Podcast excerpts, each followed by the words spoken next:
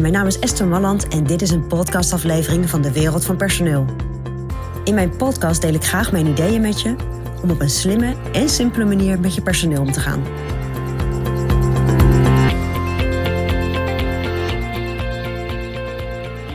Hi, dit is Esther Malland vanuit de Wereld van Personeel. Er zijn wel eens mensen in je bedrijf die het gewoon echt goed doen. Die werken gewoon lekker, die zitten goed in een team en je hebt het idee, ja, die kunnen eigenlijk meer. En omdat ze het zo goed doen, denk je, ja, ik wil ze eigenlijk wel wat perspectief gaan bieden. Ik wil ze eigenlijk wel door laten groeien.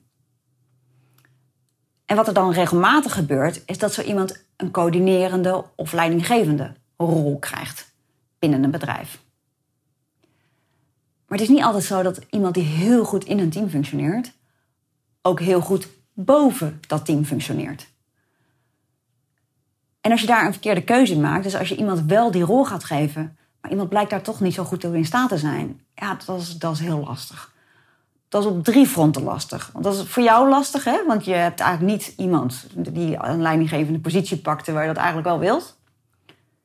Het is voor de medewerker lastig, want die had een bepaalde ambitie en dat gaat gewoon niet. Het is een enorme teleurstelling en ook een vervelend gevoel, want iemand ja, voelt gewoon dat dat niet, niet past.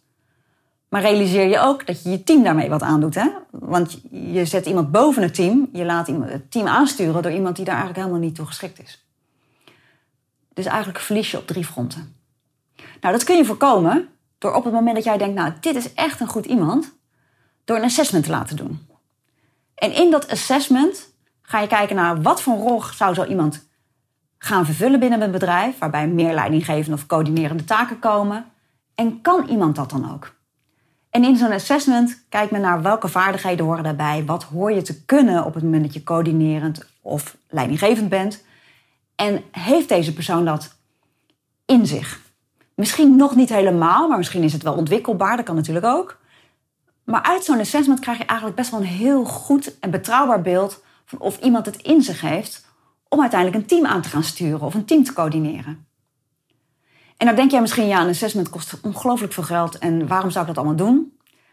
Nou, om reden die ik al zei, hè, op het moment dat je de verkeerde keus maakt en iemand op zo'n positie benoemt en dat werkt niet, ja, dan heb je op drie vlakken heb je eigenlijk teleurstelling en een stuk verlies.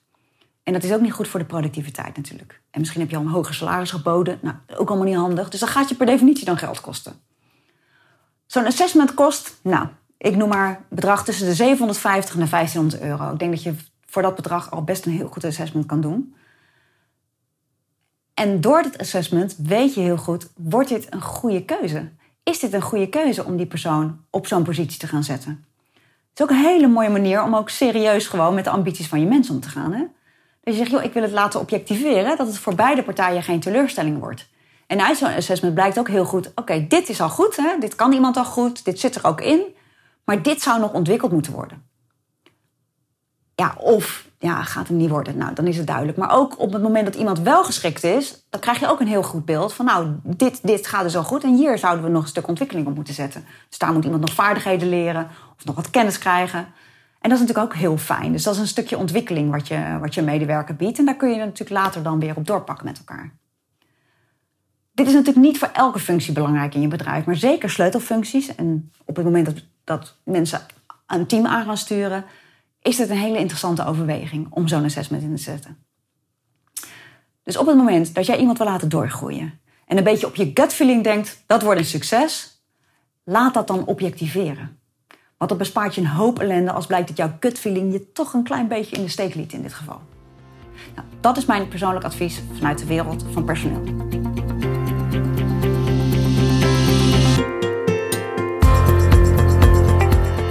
Ontwikkelingen in de wereld van personeel blijven volgen? Abonneer je dan op ons podcastkanaal. ook op onze website vind je allerlei slimme ideeën en adviezen. Dus kijk even rond op www.dewereldvanpersoneel.nl.